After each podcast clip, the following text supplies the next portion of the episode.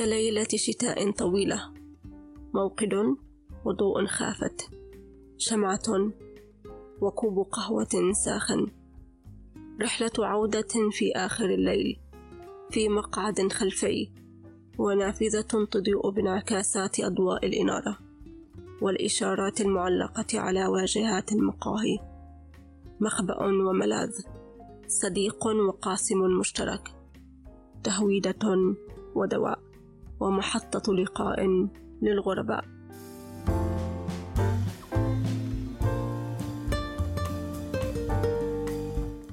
رح أكون معكم ديما خليل. استنوني في حلقة جديدة من بودكاست إنسومنيا. كل يوم جمعة الساعة التاسعة بتوقيت القدس.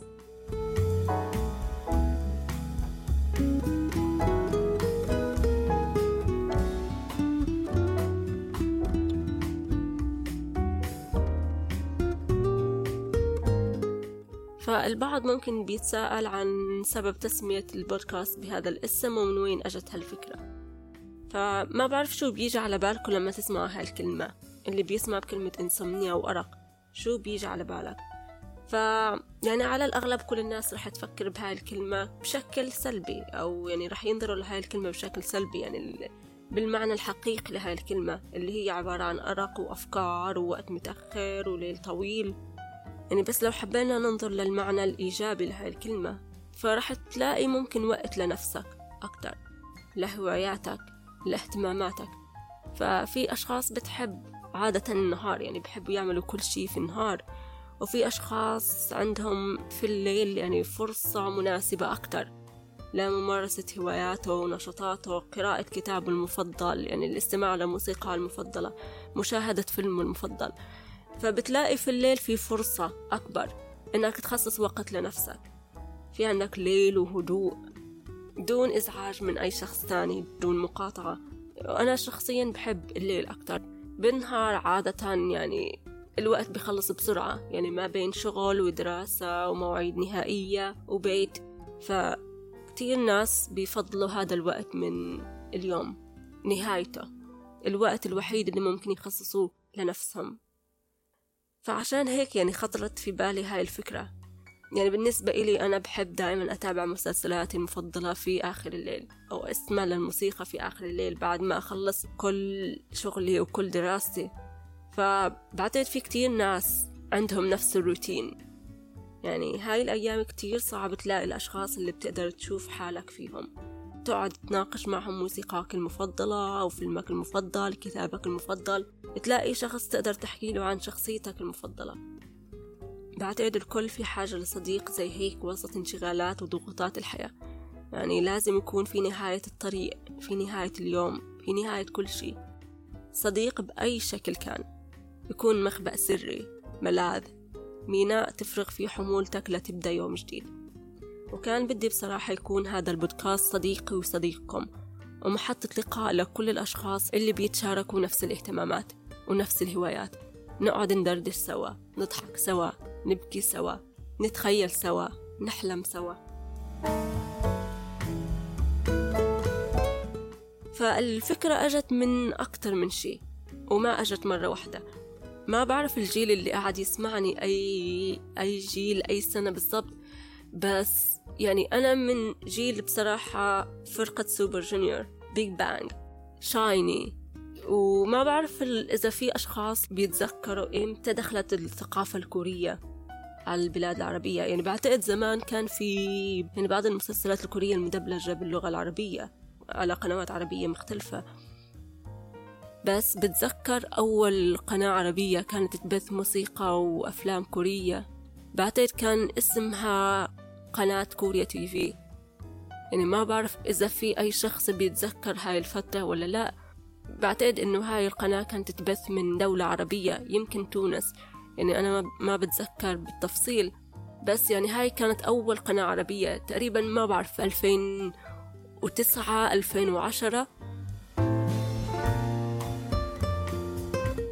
فأتعرفت هاي السنة يعني على الموسيقى الكورية على الثقافة الكورية.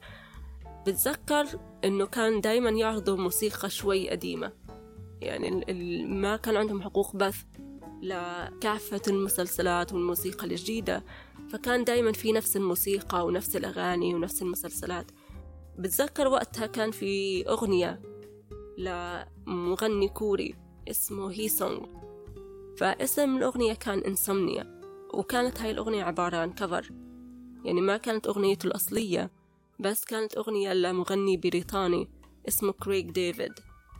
يعني هي الأغنية ما إلها علاقة بسبب بداية البودكاست بس خطرت على بالي. يعني هلأ تذكرت إنه آه في أغنية بهذا الاسم.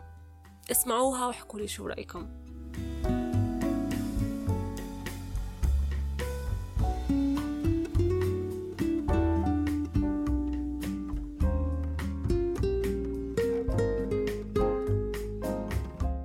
تمام نرجع للأسباب. يعني شو الأسباب اللي خلتني أبدأ هاي البودكاست؟ فالفكرة أجت من أكتر من إشي وما أجت مرة واحدة. فأول أغنية راح أفتتح فيها هذا البودكاست وهي جزء كبير من تسمية القناة بهذا الاسم لفنان كوري اسمه جانج بوم جون وهو عضو في فرقة Busker Busker المهم إنه هاي الأغنية بعنوان كانت سليب واسم هاي الأغنية باللغة الكورية 잠이 오질 않네요 يعني بتذكر إنه سمعت هاي الأغنية أول مرة في Instagram Live لممثل كوري اسمه لي كيو هيونغ فكنت بحضر بهذا ال live و... وكان مشغل كتير موسيقى ف يعني في توقيت كوريا كان هذا ال live كان كتير في وقت متأخر في الليل يعني الساعة واحدة ممكن الساعة تنتين. فشغل هاي الأغنية. وأول ما سمعت الأغنية حسيتها شوي حزينة و... وما عجبتني كتير بصراحة. بس أحيانا بحب أسمع موسيقى لما أقرأ أو لما أدرس أو أم لما بعمل أي شيء على الإنترنت. فكنت حاطة هاي الأغنية يعني on repeat. كل ما تخلص تبدأ من جديد. فبعد ما تكررت أكتر من عشر مرات بعتقد يعني حبيتها أكتر. بس بتعرفوا شو الغريب في هاي الأغنية؟ إنه إذا ما قريت الكلمات بتحس إنه الأغنية حزينة وكئيبة. وأكيد موضوعها عن يا إما انفصال أو فراق. بس كلمات الأغنية العكس تماما. فالأشخاص اللي حابين إنهم يسمعوا لهاي الأغنية لازم تقرأوا الكلمات كمان. يعني ما بتقدروا تسمعوا للأغنية بدون كلمات. لأنه الكلمات زي ما حكيت العكس تماما عن المود اللي بتخليك فيه.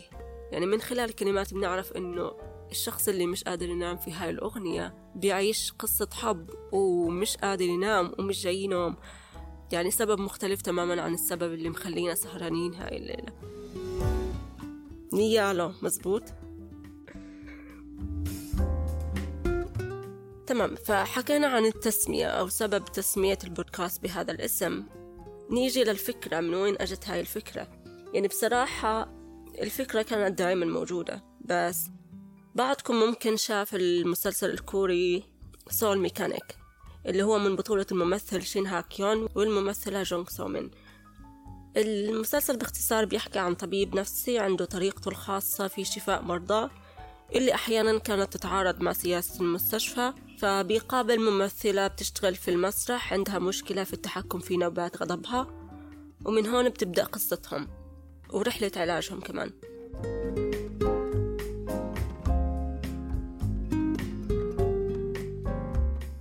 يعني أكيد لطالما كان بدي يكون في وسيلة اتصال. يعني أقدر من خلالها أبني قناة أتواصل فيها مع غيري. اللي ممكن يكون عندهم نفس الأفكار نفس الاهتمامات نفس الهوايات بس ما كان عندي الدافع. وأكيد كان في مخاوف كمان خصوصا لما الواحد بيبدأ شي جديد. شو لو صار كذا؟ شو لو فشلت الفكرة؟ بس يعني هذا المسلسل أعطاني دفعة على الأقل للمحاولة.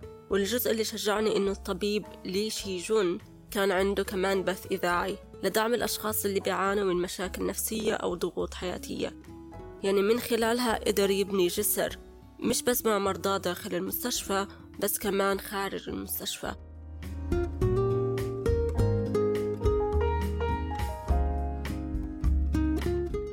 وقتها أدركت إنه أنا كمان بدي أعمل شي زي هيك بغض النظر عن التبعات أو عن النتائج. يعني إذا شخص واحد أو شخصين يعني صاروا يترددوا على مكان الصغير هذا وقدروا يلاقوا شوية مواساة شوية دعم شوية تشجيع من خلال هذا البودكاست راح يكون كل شي بيستحق المحاولة وأكتر من كافي.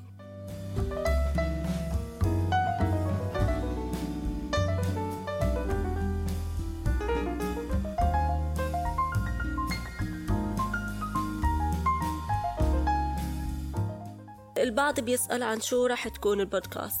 يعني بصراحة حابة تكون عن كل شيء له علاقة بالثقافة الكورية الثقافة الآسيوية بشكل عام. بس التركيز الأكبر راح يكون تعليق على آخر الموسيقى آخر الأخبار آخر المسلسلات والأفلام الكورية. أكيد بفضل إنه هذا يكون بث مباشر يعني أقدر من خلاله أسمع في آرائكم أقرأ في تعليقاتكم وتوصياتكم كمان. لأنه في رأيي هذا الجزء راح يكون الجزء الأكثر متعة بالنسبة إلي.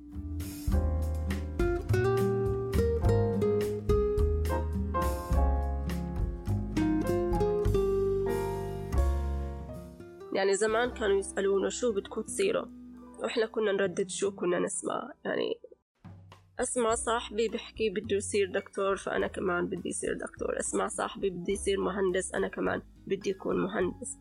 فبس لما تكبر بتعرف إنه كل هاي الألقاب وكل هاي الأشياء مش كتير مهمة. بس حتى الأشياء اللي ممكن حدا فينا يبدأها بشغف وحماس لما شي بنصير نعمله بدافع العادة إنه لازم نعمله إشي إجباري فبيفقد معناه والغاية منه.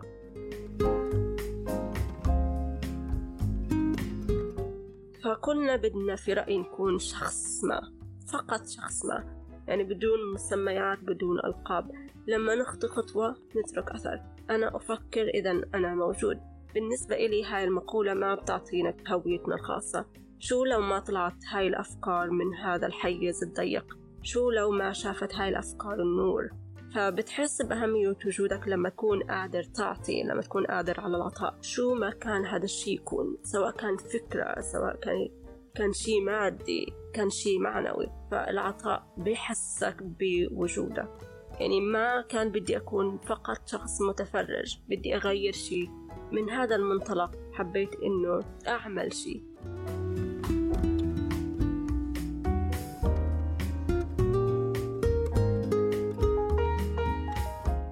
أول مسلسل رح نناقشه اليوم هو مسلسل بعنوان Strangers Again نامي تلسو السلكة هل يمكننا أن نصبح غرباء مجددا؟ الأشخاص اللي بيلعبوا دور البطولة في هذا المسلسل هم كانغ سورا وجانغ سونجو فتنويه مهم أكيد قبل ما نبدأ نحكي ونناقش هذا المسلسل مع بعض هو للأشخاص اللي لسه ما شافوا المسلسل. فراح يكون في حرق للأحداث للحلقات الأولى فالأفضل اللي الشخص اللي ما شافه يروح يشوفه أول شي ويرجع للبودكاست القصة بتحكي عن محامي طلاق زوج وزوجة. كانت تربطهم علاقة زواج ولكن انتهت بالطلاق على إثر خيانة الزوج اللي بيضطر فيها الممثل جانغ سنجو اللي بيلعب دور كون بوم إنه يدفع نفقة لكانغ سورا اللي بتلعب دور الزوجة أوهرا أكيد لمتابعين الدراما الكورية يعني القصة ما بتنتهي هون لسه راح تتوالى الأحداث. فنتيجة لخسارة قضية أحد الموكلين بيضطر كون بوم إنه يترك وظيفته وينضم لشركة المحاماة اللي أوهرا بتشتغل فيها. فسؤال للنقاش هون. لو كنتي مكان أوهرا شو كان رح تكون ردة فعلك؟ شخص حبتي لعشر سنوات زوجتي لثلاث سنوات وبعد هيك اعترف بخيانته ورجع يشتغل معك في نفس الشركة.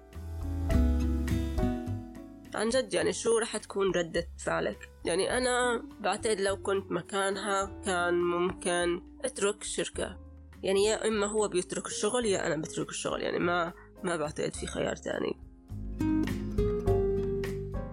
صراحة يعني اللي بيتابع المسلسل وبشوف الحلقات الأولى خصوصا ظهوره في مكان عملها بدون أي إحساس بالذنب أو الإحراج كان كان شيء شيء غريب. يعني حتى لو نفذت كل المحاولات يعني حتى لو كان بمر بضائقة مالية وصعب يلاقي شغل.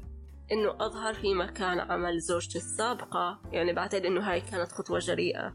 يعني أنا لو كنت مكانه بصراحة وشفتها بالصدفة في الطريق رح أغير الشارع عشان ما تشوفني.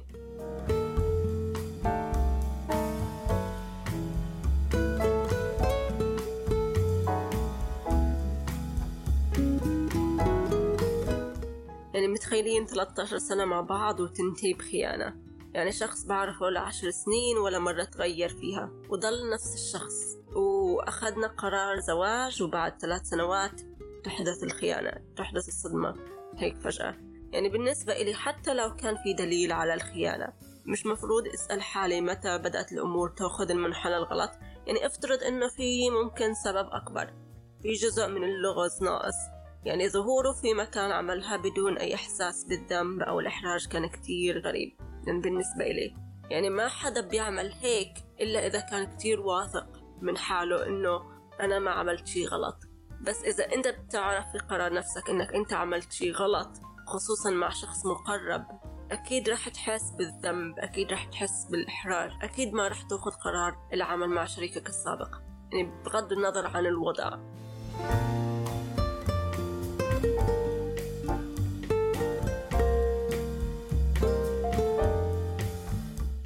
أكيد أوهرا مش رح تسكت. يعني هي بتخير المدير بينها وبين كون بوم بس الأخير بيقترح عليها إنه يساعدها في قضية أحد الموكلين عندها وإنه تقلب المعادلة لصالحها. وبهيك كون بوم بيحصل على إذن أوهرا بالعمل معها. وبيدعوها للعشاء كزميل عمل يعني نظرا لأنهم فازوا بالقضية. فلهون الأمور ماشية تمام. يعني إحنا كمان بنحس إنه ممكن تتصلح الأمور بينهم ممكن يرجعوا لبعض. بس المفاجأة بتصير في نهاية الحلقة لما نشوف صديق كوين بوم المفضل في نفس المطعم. فهون عشاء العمل المفروض يكون مكافأة لأوهارا اللي بتكون أكيد مبسوطة إنه ممكن الأمور ترجع زي أول مع كون بوم خصوصا إنها يعني بتكن إله مشاعر أكتر. ف عشاء العمل هذا بيتحول لموعد مدبر لأوهرا مع صديق كون بوم المقرب اللي هو من جيجوم اللي عاش فترة طويلة من حياته في أمريكا وبيعمل مستشار لشركة أجنبية. وبيلعب دور من جيجوم الممثل مو جين سونغ. وموضوع للنقاش هون يا جماعة يعني يعني مين في العالم؟ صراحة لكل شخص يتابع المسلسل يحكي لي شو رأيه. مين في العالم رح يعرف زوجته السابقة على صديقه المقرب؟ يعني هل هذا الشي عادي؟ هل هذا الشي طبيعي؟ يعني حتى لو انتهت العلاقة. بين الزوجين وكل شي صار في الماضي. يعني هل الحب يختفي بهاي السهولة وبهاي السرعة خصوصا إنه هاي مش قصة حب عابرة. يعني هل ممكن هذا يصير في الواقع؟ ولو كنتي مكان أوهرا كيف كنت تصرفتي يعني حابة تشاركوني في آرائكم وتعليقاتكم خصوصا عن هذا الموضوع لأنه كان عندي كتير فضول.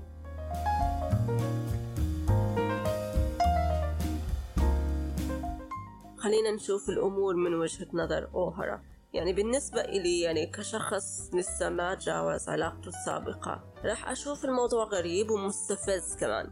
مستحيل شخص يعمل هيك إلا إذا كان هو كمان تجاوز العلاقة بشكل كامل. يعني بفهم إذا كان كون بوب حابب إنه هي تعيش حياتها أو إنها تبدأ حياة جديدة مع شخص جديد. بالنسبة لكون بوم إنه هذا الشيء عادي يعني عادي إنه يشوفها مع رجل آخر بدون ما يحس بأي ذرة غيرة وفوق هذا كله يكون صديقك المقرب. بصراحة رح أحس إنه هذا مقلب يعني أكيد مقلب يعني أكيد كاميرا خفية مستحيل الموضوع يكون عن جد. هارا بتحس إنه الموضوع مريب إنه في شي غلط فبتسأل من جيجوم إذا كان في رهان بينه وبين كون بام ومن جهته بينكر بيبرر موقفه إنه عاش فترة طويلة من حياته في أمريكا وإنه كتير منفتح ومتقبل للفكرة وخصوصا إنه إمه يعني إم من جيغوم طلقت لي ثلاث مرات. هو بيعتبر إنه هذا الشيء مش عيب ومش غلط يعني إذا الامرأة مطلقة يعني هذا مش معناه إنه هي فيها مشكلة أو هي فيها عيب.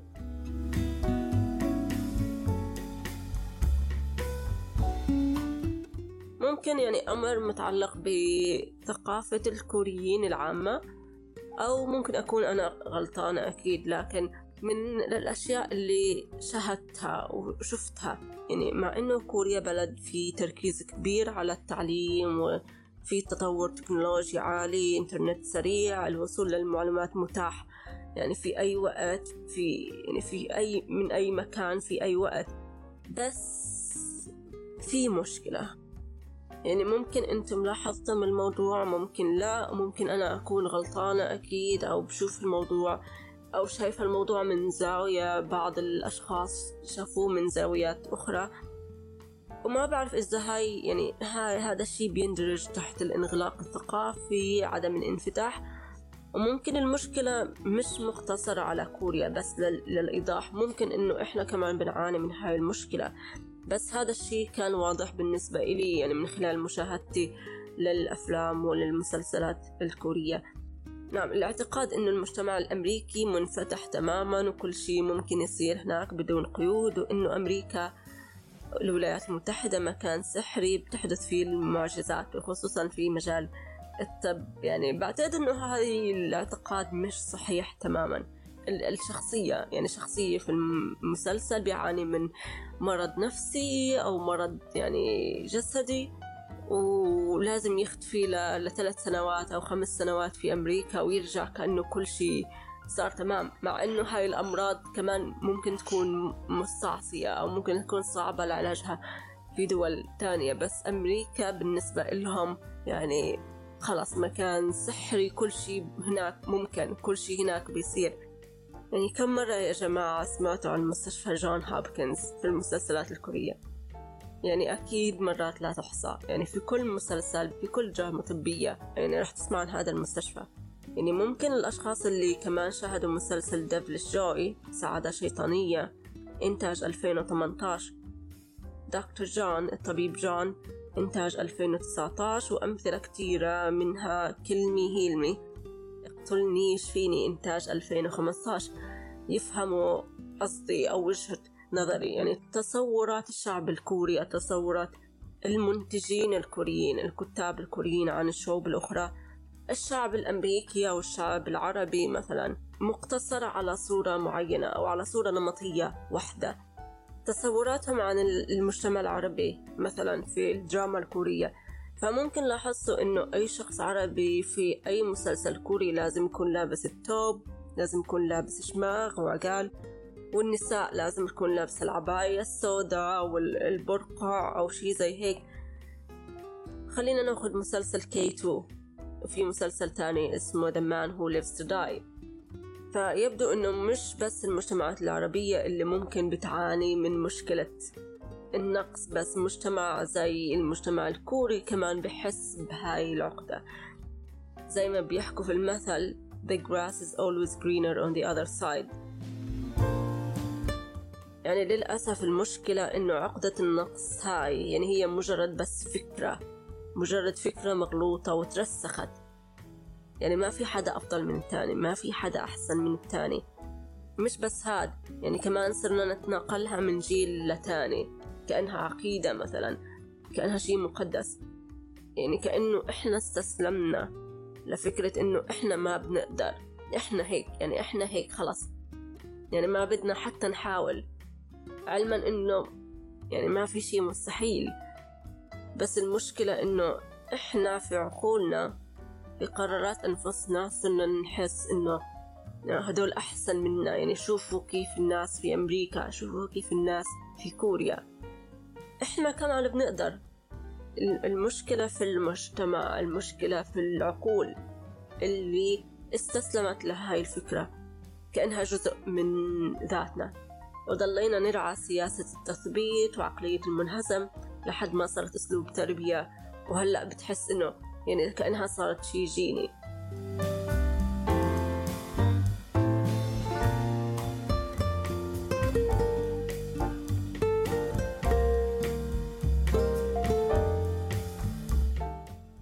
نرجع للمسلسل. فبعد الموعد المدبر في يوم من الأيام هارا في موعد مع جيجوم وبالصدفة بتشوف كون بام مع كيسو هي.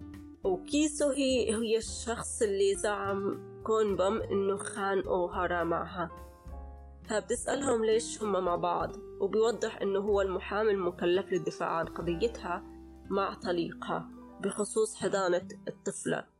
أوهرا أكيد كرد فعل طبيعي من يعني زوجها لسه بتغار على زوجها وبدها إياه يعني بدها إياه كمان إنه يراعي مشاعرها فبتطلب منه إنه يتنازل عن القضية. ولكنه بيرفض بحجة إنه أنفق أتعابه كل أتعابه عن هذه القضية وما في مجال للتراجع. وبينتهي الأمر إنه أوهرا بتتولى قضية طليق هيس وهي كنوع من الانتقام وبدافع الغيرة يعني أكيد. وبيضطروا يواجهوا بعض في المحكمة. الأمر اللي بيجبره إنه يفصح عن سبب الطلاق الحقيقي.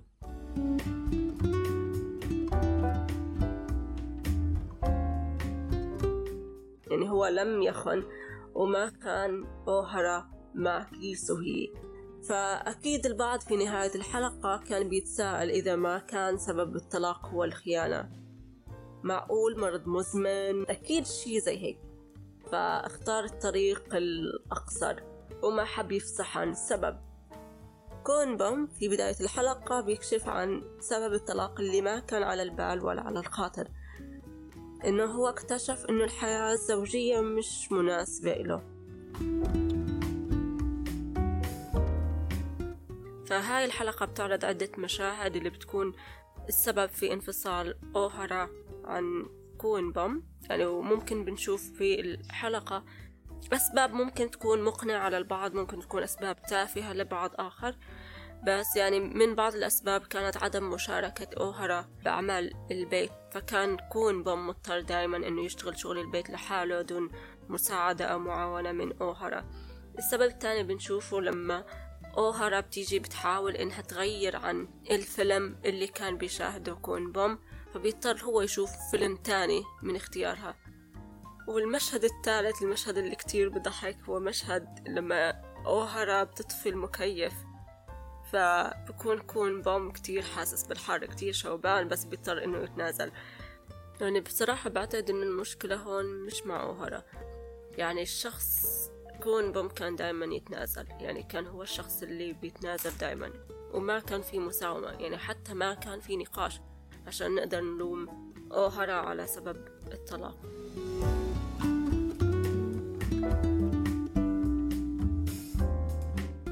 كون بوم يحاول مثلا إنه يحكي هذا الشي مش عاجبني يعني خلينا نصلحه. يعني أنا بدي شغل البيت مثلا نتقاسمه أنا شوية وإنت شوية. كون بوم دايما كان يحاول إنه يحل مشاكله بنفسه يحل مشاكلهم بنفسه هو اختار الخيار يعني هو اختار الحل اللي هو بيناسبه. احتفاظه بسر طلاقه مثلا لوقت طويل وعدم إفصاحه عن السبب هاي مشكلة بحد ذاتها. يعني بعتقد إن الزواج لازم يكون مبني على هاي الفكرة إنه أنت ما بتقدر تاخد قرار عني. يعني لازم ناخد القرارات سوا. فاحتفاظ كون بوم بسبب الطلاق لوقت طويل هذا بيسلبني حقي. كجزء من المعادلة كشريك حياة. يعني إحنا تزوجنا وهذا كان قرار شخصين مع بعض.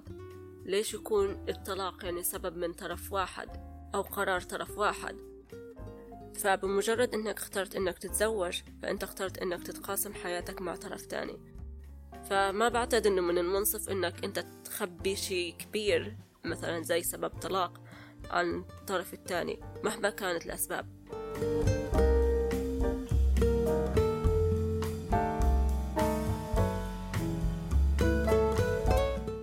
فالمعروف إنه الشخصين محامين يعني ال... وأهم خصلة أكيد في المحامين هي الاستماع للطرف الآخر يعني محاولة فهم الطرف الآخر العقلانية أكيد الرزانة. بس ممكن أغض النظر عن هاي الجهة تمام؟ فالسبب الثاني في العشر سنين مواعدة يعني ما صار أبدا مشاكل يعني وإذا صار مشاكل كيف قدروا يحلوها؟ يعني في العشر سنين بقدر أحفظ تاريخ العالم. ما قدروا شخصين يدرسوا بعض يعني شو مزاياهم شو عيوبهم شو بيحبوا شو بيكرهوا. ولو فرضنا مثلا إنه كون بوم دايما كان الشخص اللي بيتنازل عن حقوقه للطرف الآخر وما كان مستعد للزواج وللأطفال وللعائلة. يعني ليش ما اتخذ هذا القرار قبل الزواج؟ يعني كان معه عشر سنين يعني حتى كان معه سنة واحدة يعني سنة واحدة بتقدر تعرف إذا أنت مستعد لهذا الزواج أو لا. يعني أكيد الزواج ما كانت فكرة غريبة بالنسبة له. أكيد كان بيعرف شو المسؤوليات اللي بيترتب عليها الزواج.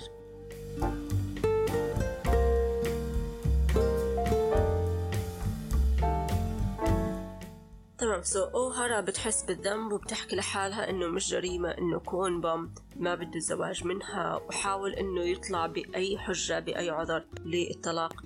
فبتقرر تتوعد رسميا مع من جيجوم الشي اللي بيخليني ضد هاي العلاقة اللي الواضح إنها حب من طرف واحد هو إصرار أوهارا للاستمرار فيها لتجاوز العلاقة الأولى. يعني من وجهة نظري ما بعتقد في أي سبب يدفع شخص للدخول في علاقة تانية بعد نهاية علاقة أولى في حين إنه الشخص نفسه مش متأكد من مشاعره ولسه عايش على أمل إنه كل شي يرجع زي قبل في العلاقة الأولى. يعني بصراحة بشوف هذا القرار أنانية وظلم واستغلال لمشاعر شخص تاني قرر يضحي بوقته وقلبه عشان الشخص الأول. فهذا غلطانة إنها بدها تستمر في هاي العلاقة لأنها مش بدافع الحب ولكن بدافع الانتقام وإثارة غيرة زوجها السابق على حساب شخص تاني بكن مشاعر صادقة نحوها.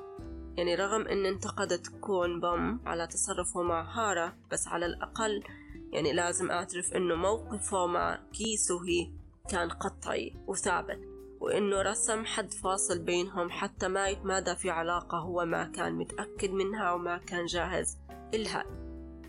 شو وجهة نظركم؟ يعني ومع أي فريق أنتو؟ كون بوم من جيكم فاتركوا لنا تعليقاتكم.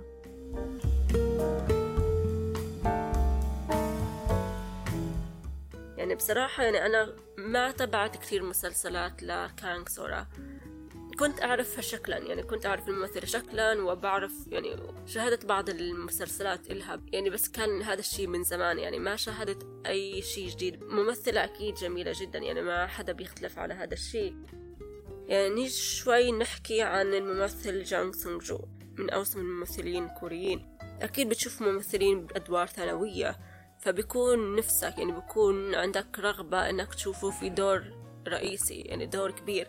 وكمعلومة البعض ممكن بيعرفها البعض ممكن بيجهلها بس الممثل جانغ سونج جو متزوج من ممثلة ومغنية وعندهم طفلين. فما بعرف إذا حدا لاحظ التشابه أو درجة التشابه بين الممثل جانغ سونج جو والممثل جي تشانغ ووك وأيضا الممثل جي جونغ كيم جي جونغ. فكيم جي جونغ هو ممثل وكمان كان عضو في فرقة موسيقية باسم TVXQ فالفرقة كانت نشيطة أكثر يعني قبل عشر سنوات. الممثل جي تشن ووك يعني ظهر في عدة مسلسلات بس يعني أول مسلسل يعني حاز فيه على النجومية كان Healer. مسلسل Healer كان إنتاج 2015 وبصراحة كان أكتر مسلسل شدني في هذيك الفترة. يعني وسامة جي تشن ووك و... يعني الأكشن بيناسبه كتير فكان المسلسل قفزة بالنسبة له في النجومية. يعني كهيلر كان كفارس الأحلام في هذيك الفترة. إذا حدا شاهد المسلسل يعني شاهد مسلسل هيلر بعتقد رح يوافقني الرأي.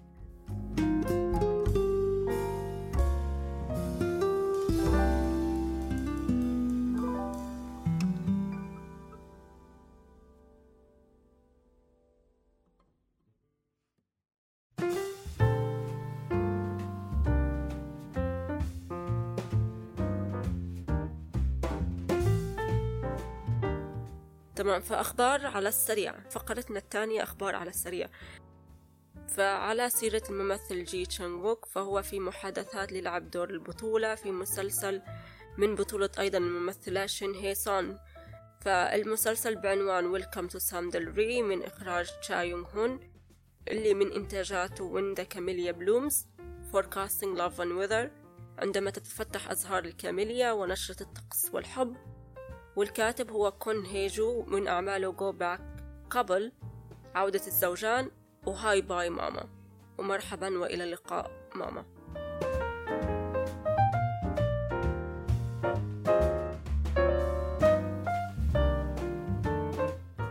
يعني عودة الزوجان ومرحبا وإلى اللقاء ماما. يعني هدول المسلسلين يعني أنا بتذكر إنه شفتهم. يعني بتذكر عودة الزوجان لأنه يعني أنا بصراحة بحب الممثلة جانك نارا يعني ما بعرف إذا حدا بيعرف الممثلة ولا لأ بس أكيد يعني هي من من الممثلات اللي بيمثلوا من يعني من وقت طويل وعندها خبرة كبيرة في التمثيل وتمثيلها يعني أكتر من رائع.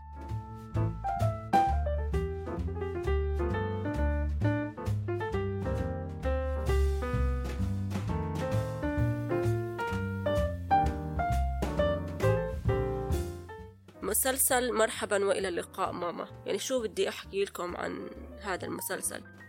يعني بصراحة هذا المسلسل ممكن أخذ مني شهر بس عشان أخذ قرار إنه أحضره.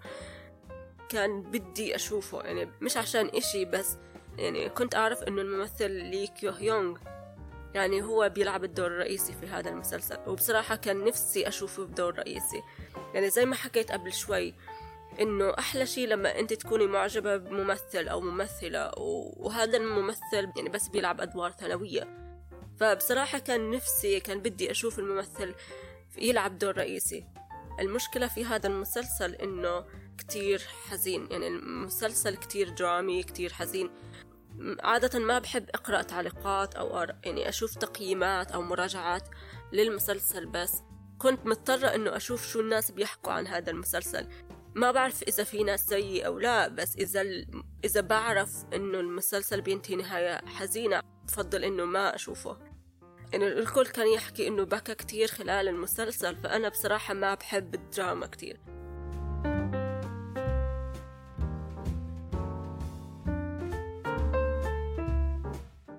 فالممثل لي كيو هيونغ لعب أدوار يعني ثانوية في أكتر من مسلسل يعني ممكن أذكر بعضها. Prison Playbook. دليل السجن أو الحياة الحياة الحكيمة للسجن. المسلسل في هداك الوقت يعني حاز على شعبية كتير كبيرة. يعني انشهر كتير بفضل شخصية لي كيو يونغ في هذا المسلسل اللي لعب دور شخصية يو هان يونغ المعروف باسم لوني. ف كتير ناس يعني بدهم مواسم تانية لهذا المسلسل بس عشان يشوفوا شخصية لوني مرة تانية. May it please the court. Voice 4 يعني Voice الموسم الرابع. و Hi Bye Mama بالتأكيد.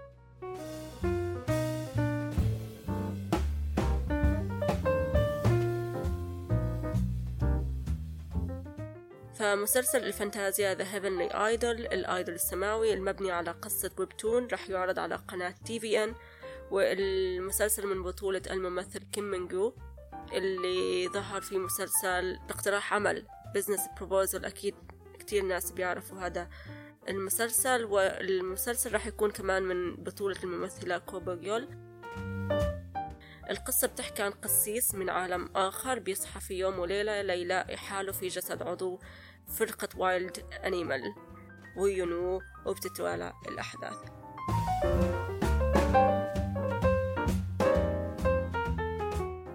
الخبر الثالث تم تأكيد مشاركة الممثل جانغ هيوك والممثلة جانغ نارا في مسلسل كوميدي بعنوان Family اللي بيحكي عن قصة عميل في المخابرات الوطنية اللي بيتخفى على هيئة اللي بيتخفى على هيئة موظف عادي وزوجته اللي بتحلم بعيش حياة زوجية مثالية.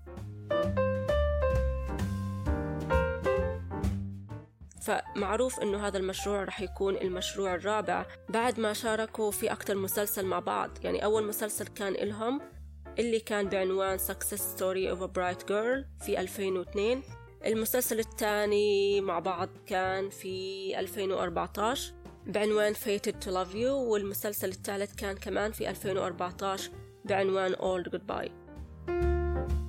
والخبر الرابع اللي لاقى ردود فعل مختلفة هو زواج الممثل والمغني لي سنجي والممثلة لي ديان. الممثل لي سنجي كتب رسالة على إنستغرام أعلن فيها زواجه من الممثلة لي ديان في شهر أبريل المقبل.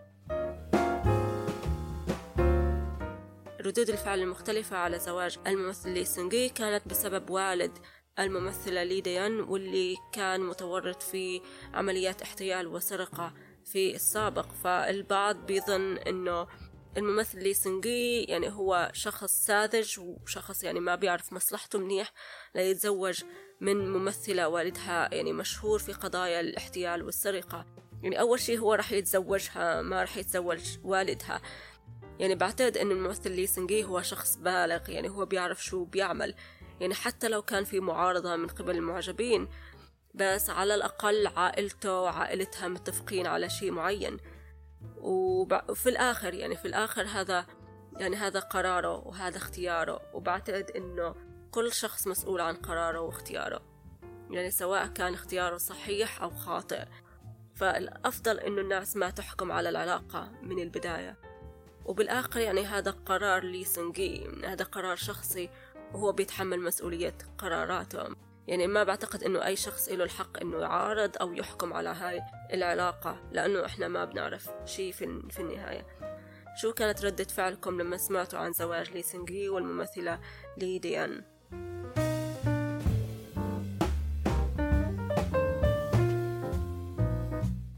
الخبر الخامس عنا اليوم وهو خبر كمان كتير حلو لأنه يعني اشتقنا كتير للممثل سوجي صب. فالخبر الخامس أن الممثل سوجي سوب من الممكن أنه يشارك في دراما جديدة. الدراما راح تكون بعنوان Plaza Wars وكالة الممثل أعلنت أنه الممثل سوجي سوب يعني يتلقى عرض أنه يشارك في دراما Plaza Wars ولكن لم يتم التأكيد بعد. فراح نشوف في الأيام المقبلة إذا راح يشارك الممثل في هذا المسلسل أم لا. يعني بعد بعد الزواج أعتقد يعني بعد زواج الممثل سوجي سوب ما شفناه كتير في مسلسلات جديدة. فالكل مشتاق لسوجي سوب ولمسلسلاته. فإن شاء الله يكون في خبر مؤكد عن هذا المسلسل قريبا.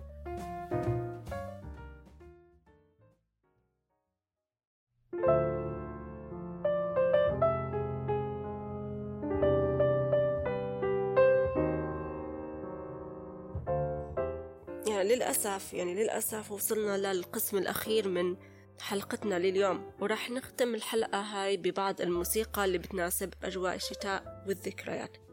فأول أغنية عنا لليوم هي أغنية تورونتو للمغني JK كيم دونغ ووك.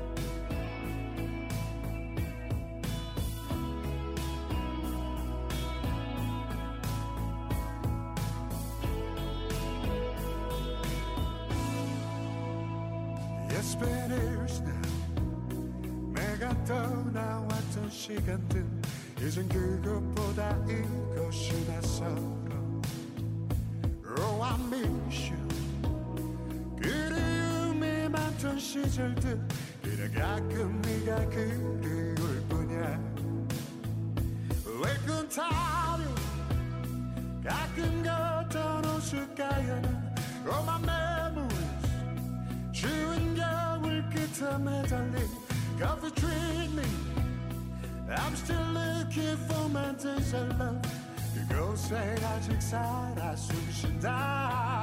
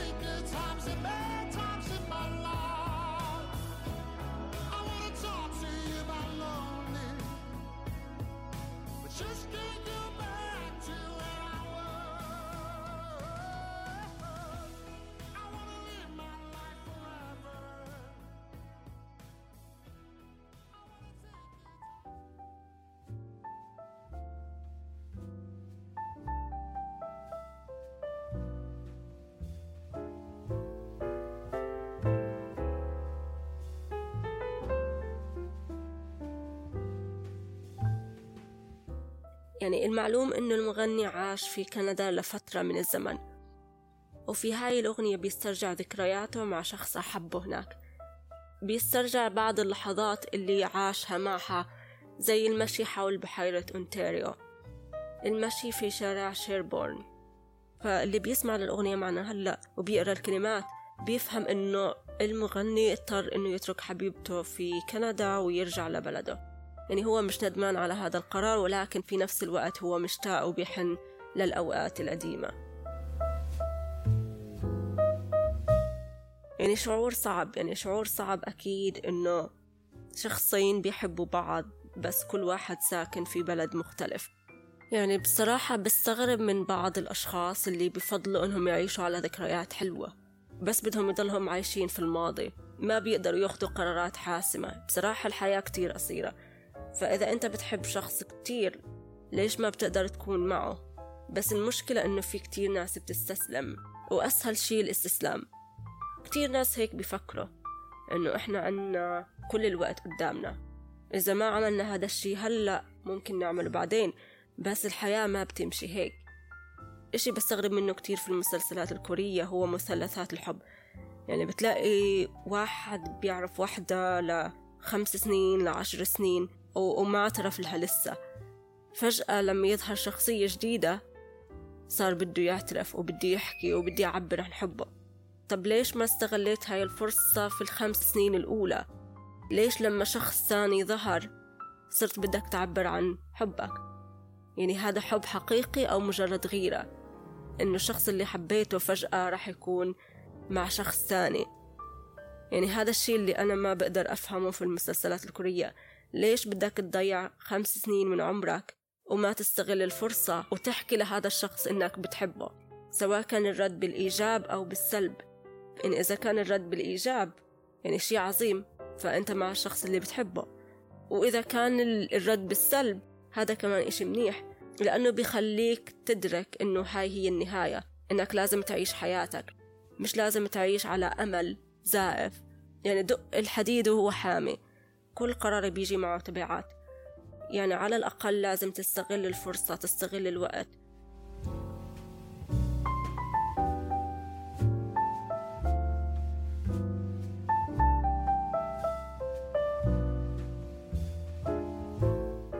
في مسلسل كتير استفزني في آخر فترة اسمه Love is for Suckers. فالمسلسل بيحكي عن قصة شخصين رجل وامرأة بيكونوا أصدقاء لمدة عشرين سنة تقريبا وبيخوضوا خلال هاي الفترة علاقات مع أشخاص ثانيين بيضلوا أصدقاء مجرد أصدقاء لعشرين سنة وفجأة بيعترفوا بمشاعرهم لبعض.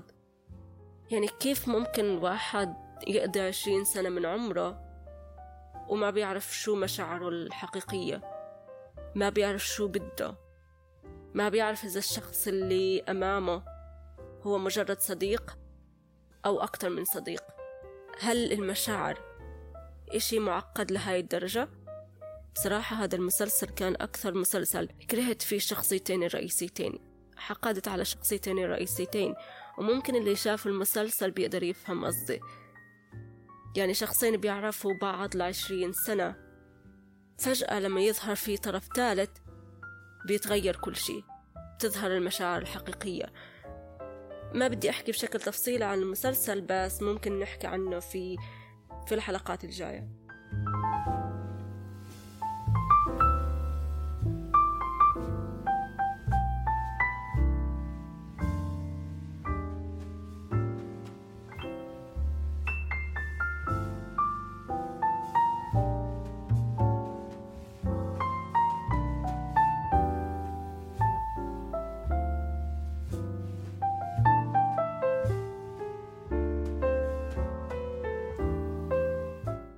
فالأغنية الثانية عنا لليوم أغنية End of a Day by شايني كيم جونغ هيون لما أي شخص بيسمع هاي الأغنية لأول مرة أو حتى بيشوف الفيديو كليب يعني أكيد راح يفكر إنه الكلمات انكتبت من شخص لحبيبته. كل أغنية وراها قصة طويلة اختصرت ببعض السطور خصوصا لما يكون المغني هو كمان كاتب الأغنية. فكيم جونغ هيون كتب هاي الأغنية عن كلبته رو في هداك الوقت كان بيقدم برنامج إذاعي وهذا البرنامج الإذاعي كان بينتهي الساعة تنتين الصبح وكان لما يرجع الساعة ثلاثة. تكون كلبته دايما بانتظاره لأنه الوقت بيكون كتير متأخر والكل نايم في هداك الوقت فما في حدا تاني بيقدر يستناه ويحكي معه. فكلمات الأغنية أكتر من رائعة وحابة أنه نسمع هاي الأغنية مع بعض في هذا الوقت. 손을 뻗어줘. 내 목을 감싸줘. 좀 더 아래 내 어깨를 주물러줘. 지쳐버린 하루 끝. 이미 해가 떴어도 난 이제야 눈을 감으니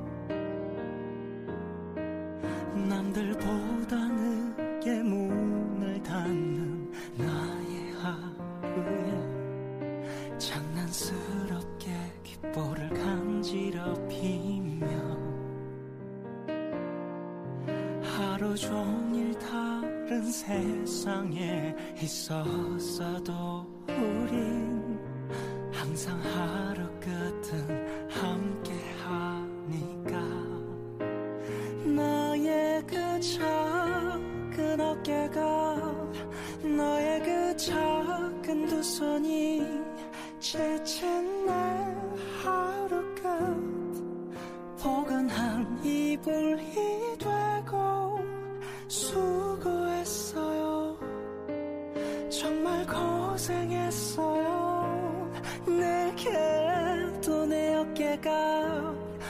뭉툭한 나의 두 손이 지친 너의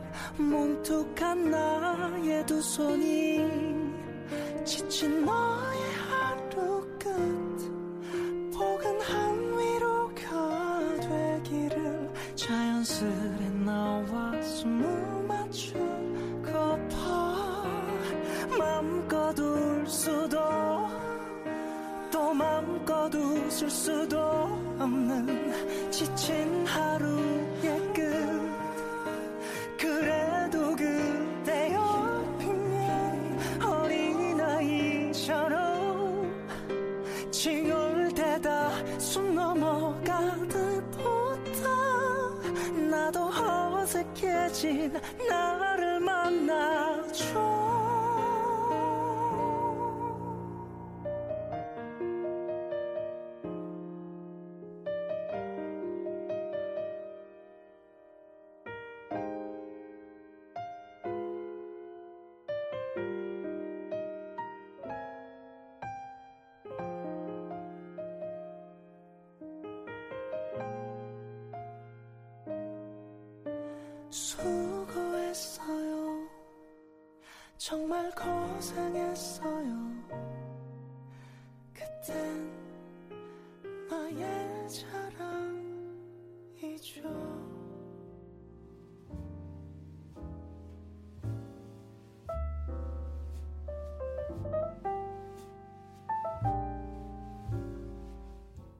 الأغنية الثالثة لليوم Home is Far Away by Epic High and أوهيوك اسم الأغنية باللغة الكورية بنتشا يعني سيارة تاكسي فارغة. كل شخص رح يحس إنه هاي الأغنية حكت عن حاله في وقت من الأوقات في لحظة من اللحظات. فرح أقرأ عليكم بعض مضمون الأغنية.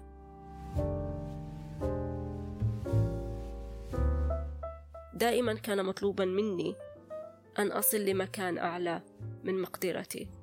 تلك التوقعات العالية كانت تدعي أنها تقف خلفي لدعمي ولكنها في الواقع كانت تدفعني للوراء.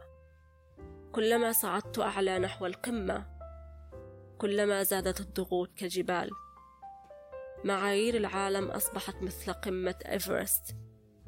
كنت أريد أن أحلم لأني خفت أن أكون شخصا عاديا. الآن أنا أحسد الأشخاص العاديين. أريد وضع فاصلة في قلبي كي أستريح. وكان ذلك العالم يعد الحسابات ويضع التوقعات. لم أرد أن أمد يدي له لكني خفت أن أعود خالي الوفاض. كنت أظن أنه كان لدي أحلام في مرحلة ما لكن الليلة هي ليلة أخرى بلا نوم. إنها تمطر. وليس هناك سيارة فارغة أليس لي مكان في هذا العالم؟ هل أنا وحيد في هذا الشارع المزدحم؟ أليس هناك مقعد فارغ لي؟ كان هناك شيء أهم من جني المال كان هناك حلم ما من أجلي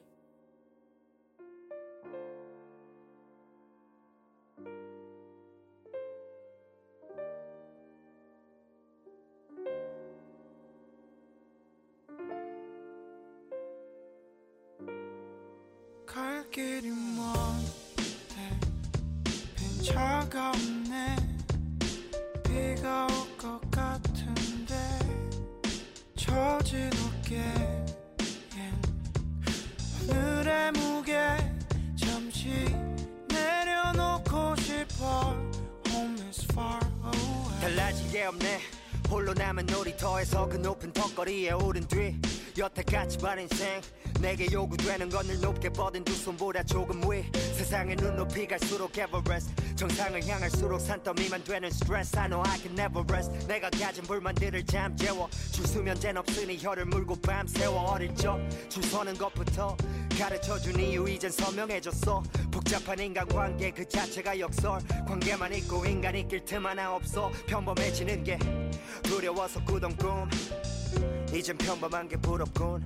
As I stand all alone in the rain 잘하지 않으면 성장통도 그저 pain 갈 길이 먼데 빈 차가 없네. 비가 올 것 같은데 처진 어깨엔 오늘의 무게 잠시 내려놓고 싶어. Home is far away 갈수록 두려워 뛰고 있지만 뭘 위해 서였는지 이젠 두 발과 심장 그저 짐이 되어버린 꿈 두고 달리는 게 내게 유일한 희망. 한 걸음만 더 때라 부추기네 고개 들었더니 아픈 낭 떨어진대. 뒤를 보니 길게 줄서 많은 기대가 날 지탱하는 척하며 등을 떠미네. 언젠가 찍고 싶었던 맘의 쉼표가 숫자들 사이 뒤엉킨 이상 계산적인 이 세상에 들이미는 손 잡기 싫지만 빈손 대는 게 더 겁이 나 붙잡아도 갈 길 가는 게 시간뿐이겠어. 먹구름 낀 하늘을 보며 한때 나도 꿈이라는 게 있었는데 오늘 밤은 잠들기도 어렵네. 널 위해 잠시 멈춰주면 안 될까요? 더는 걷기가 힘든데 바람이 불고 아직도 갈 길이 먼데 빈 차가 없네. 비가 올 것 같은데 어깨 오늘의 무게 잠시 내려놓고 싶어. Home is far away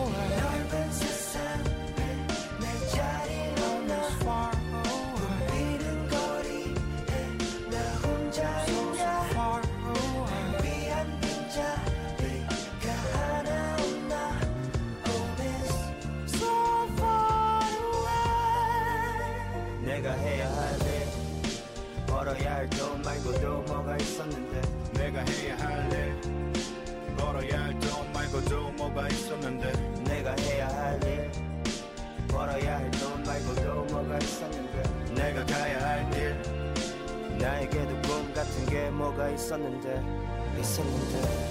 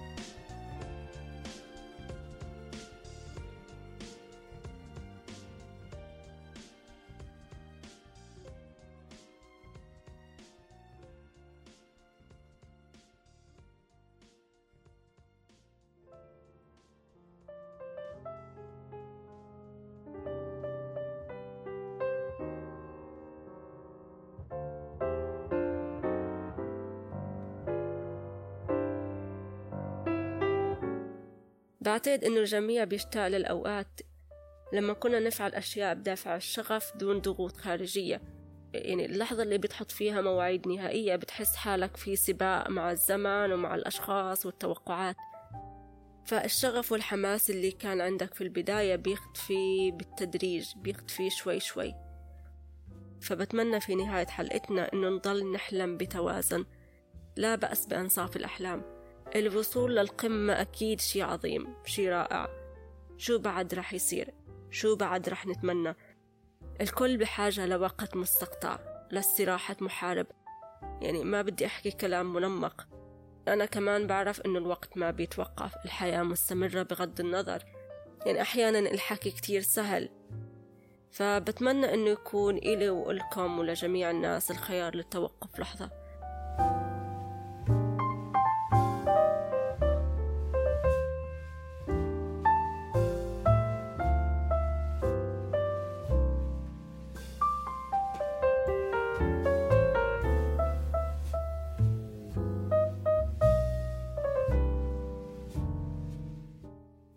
فبصراحة ما بدي الحلقة تنتهي بس يعني مضطرين ننهي هاي الحلقة. فبيسعدني أتلقى تعليقاتكم وآرائكم وكمان اقتراحاتكم لمسلسلات وأفلام أخرى. تمام يعني أحكي عن موضوع الحلقة الجاي أو أخليها مفاجأة أو أعطي تلميح. ف يعني خلينا على تلميح بكفي. موضوع الحلقة الجاي رح يكون فيلمين صدروا مؤخرا في كوريا الجنوبية والشي المشترك بين الفيلمين هو كوريا الشمالية. فمين قدر يخمن شو الفيلمين؟ اتركوا لنا الإجابات في التعليقات. موعدنا الأسبوع القادم أكيد يوم الجمعة بنفس التوقيت الساعة التاسعة بتوقيت القدس. ما تنسوا تستمعوا للبودكاست على منصة سبوتيفاي كمان. بتمنى لكم ليلة هادئة ودراما ممتعة بنهاية سعيدة ويبقى للحلم بقية. دمتم بحب حتى ألقاكم في الحلقة القادمة.